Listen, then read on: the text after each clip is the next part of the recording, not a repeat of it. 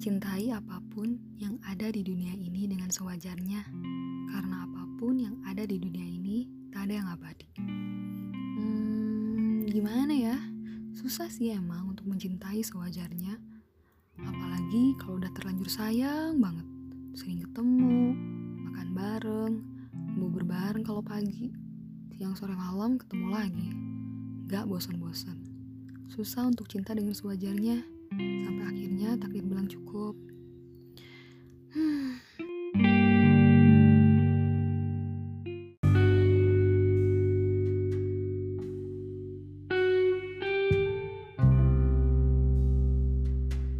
Ya, mungkin itu tamparan keras, sekeras-kerasnya dan pelajaran paling berharga dari Tuhan.